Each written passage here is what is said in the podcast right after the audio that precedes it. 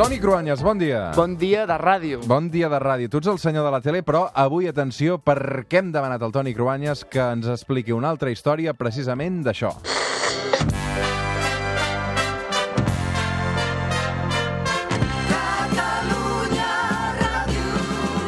Avui la història de la ràdio, no de Catalunya Ràdio, sinó de la ràdio com a mitjà, eh? Com va néixer precisament avui que celebrem el Dia Mundial de la Ràdio amb aquest programa especial que ens portarà fins a Girona. Toni, va, per on arrenquem? A veure, de ràdio en sabeu més vosaltres, però sí. jo amb una mica d'ajuda d'un llibre de la Facultat de Periodisme et faig mm. 5 cèntims de com va començar això de la ràdio. Fixa't que no deixa de ser estrany, perquè fins que no van arribar al telèfon mòbil o ara internet a través del wifi, del wifi, la ràdio de fet era l'únic invent que reproduïa una cosa, el so en aquest cas, sense cable ni cap connexió física aparent, visible. Mm. Anem cap als inicis. Public Service Broadcasting.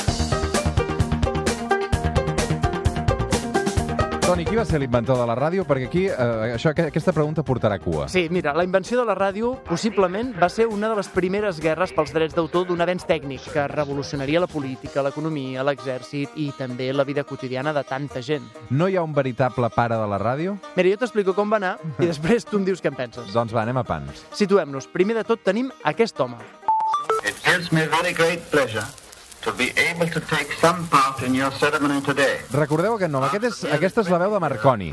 Sí, és la veu de Guillermo Marconi, un dels pares de la ràdio. El 1896 va enviar els primers senyals radiofònics. Això era 20 anys després que s'inventés el telèfon. De fet, el telègraf i el telèfon són dos invents íntimament relacionats amb la tecnologia de la ràdio. Mm. Dit ràpidament així, el 1860, James Clerk Maxwell, un físic escocès, va predir l'existència d'ones de ràdio. El 1886, Heinrich Rudolf Hertz, alemany, va demostrar que les variacions ràpides del corrent elèctric poden ser projectades a l'espai en forma d'ones semblants, per exemple, a les de la llum i la calor. D'ell ve que les ones de ràdio es diguin ones arsianes. I llavors sí, 10 anys després, Marconi va demostrar la viabilitat de les comunicacions de ràdio. En principi ja ho tindríem o no? Uh, sí i no. A veure. Perquè Marconi va poder enviar el primer senyal, que no la veu, a una distància d'un quilòmetre i mig. Això li va fer veure que aquell invent tenia molt potencial. El va oferir al govern italià, que no li va fer cas, en canvi es va traslladar a Anglaterra, va treure'n una patent i va continuar experimentant. Dos anys més tard va emetre per ràdio el resultat de la regata de Kingstown fins a Dublín, a Irlanda. Allò no va ser una retransmissió esportiva, perquè ens entenguem, eh? però sí que va ser l'enviament d'un resultat, d'una dada. New and more exciting stereophonic tapes are being put on the market every day. Però allò, Toni, no era ben bé una ràdio. No, no, no, era més un telègraf sense cable.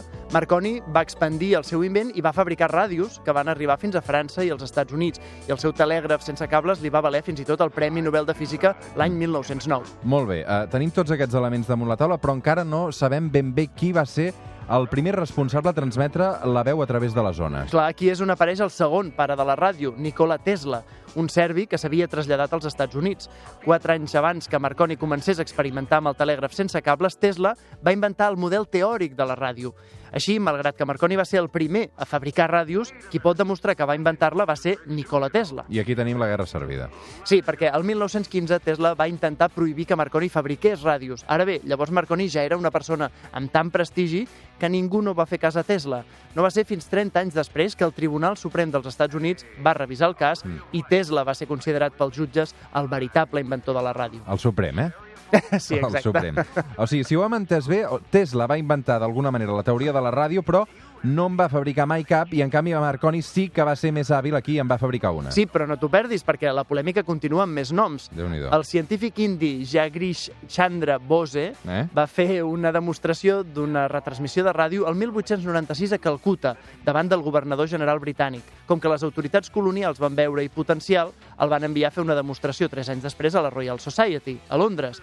Bose va, havia solucionat problemes de transmissió de hertz, com per exemple com travessar parets, muntanyes o l'aigua, i havia inventat un aparell que rebia i descodificava les zones de ràdio. Som davant d'un tercer, per tant, pare de la ràdio. Sí, sens dubte. A més, a la conferència que va fer a Londres hi havia assistit Marconi, de fet, es creu que Marconi li va robar o li va copiar el model d'aparell de ràdio perquè, mm. amb el seu prestigi i els seus diners, Marconi va començar a fabricar ràdios, però va ser incapaç d'explicar com havia aconseguit construir l'aparell. Per tant, tenim un sideral i un embolic important. Um, D'alguna manera també podem interpretar que Marconi va robar l'invent de la ràdio? Només així s'explica, perquè Bose tenia tots els seus avenços científics demostrats, anotats i presentats davant les autoritats acadèmiques.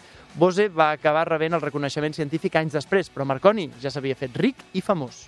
Everything is ready. Let's go. Tota aquesta banda sonora que estem posant avui, deixa'm-ho recomanar als oients, és de Public Service Broadcasting, un grup eh, estranyíssim, um, no sé si són americans o són anglesos, són anglesos, em diuen, um, però que fa, fa cançons també molt relacionades amb tot l'univers radiofònic i el, i el recomanem moltíssim. Public Service Broadcasting. Com es justificava Marconi davant d'aquesta amenaça que havia, o d'aquesta acusació que havia robat l'invent? Això és una història molt recambolesca, però Marconi va dir que un enginyer naval, naval italià, que es deia Solari, havia dissenyat la fórmula de la ràdio, però el tal Solari ho va negar. Després Marconi va dir que havia estat un professor italià, que es deia Timasina, però un altre professor va demostrar que també era mentida. Així que ja ho veus, un embolic. I no t'hi afegeixo més gent, que després s'ha demostrat que havien començat, intentat o havien aconseguit fabricar una ràdio en dates similars, però que mai havien patentat la seva idea o que no l'havien intentat comercialitzar mai. Sí, com sigui, l'embolic és important. La conclusió que podem arribar és que és un gran invent. Sí, tot i que el que sobreviu avui de la ràdio no és la tecnologia amb què es va inventar, sinó l'ús social que se li va donar. Podem viure sense ones arsianes i fins i tot sense transistors, però no podríem viure sense la ràdio.